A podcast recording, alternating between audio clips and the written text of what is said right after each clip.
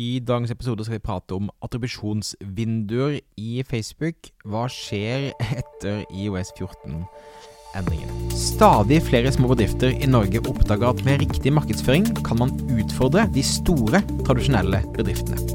At ved å ha fokus på å bygge gode relasjoner og opparbeide seg tillit, kan små bedrifter oppnå store ting. Velkommen til podkasten 'Suksess med Facebook-annonsering'. Mitt navn er Thomas Moen fra Moen Co. Vi er et mediebyrå som hjelper små nettbutikker å vokse. I denne podkasten kommer vi med ukentlige råd, tips og strategier som du kan implementere i din bedrift. Om du er helt ny på annonsering, kan du komme i gang ved å gå til moenco.no start for vårt gratis introduksjonskurs. Hjertelig velkommen tilbake til en ny episode.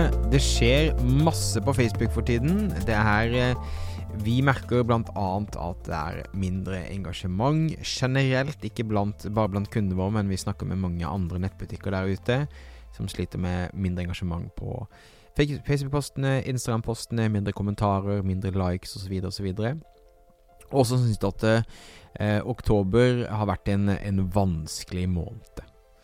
Eh, nå, eh, for et par uker siden, så forandret nok en gang Facebook måten de attribuerer resultater i annonseadministrasjonen. For å spole bitte litt tilbake, så en, Facebook har da et, en konverteringsattribuisjon, altså de, hvem som får eh, Hvilken annonser som eventuelt får eh, kreden for, eh, for eh, æren for et salg. Og eh, historisk sett så har man kunnet sett opptil 28 dager tilbake i tid om noen har klikket eller sett på annonse, og sett om den annonsen har vært mer påvirket på en eller annen måte.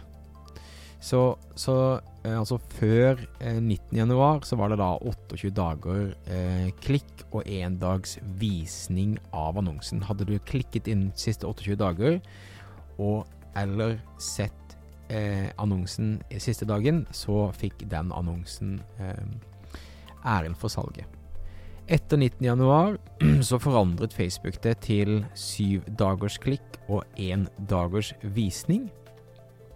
Og eh, etter da IOS 14 gikk live, så datt det tilbake til eh, kun syv dagers klikk. Og dette går tilbake til at Facebook nå, pga. trekkingene blir begrenset, så kan de se mindre data.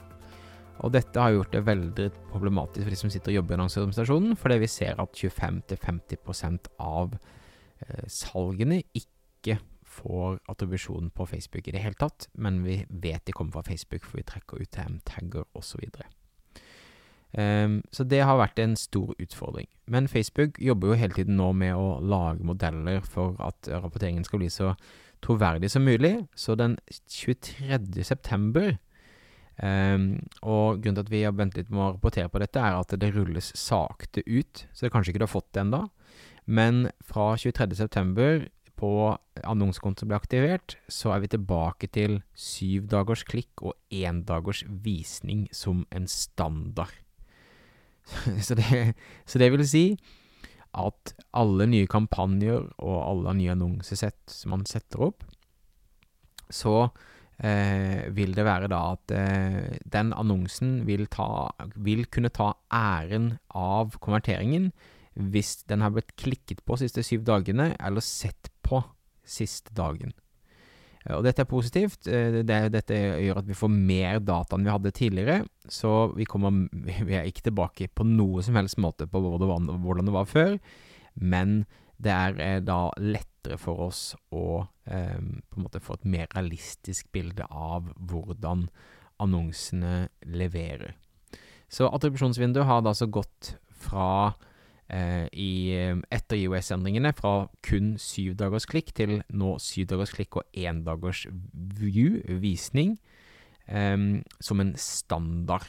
Og det er også den eh, standardinnstillingen jeg anbefaler deg å ha på attribusjon, attribusjonsinnstillingene dine for å få et så realistisk bilde som mulig i denne turbulente IOS 14 privacy-hverdagen eh, som vi leverer Nei, vi lever i.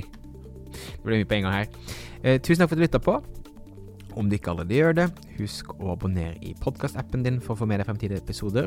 Mitt navn er Thomas Moen. Vi høres igjen neste uke for en ny episode av Suksess med Facebook-annonsering. Ha det fint!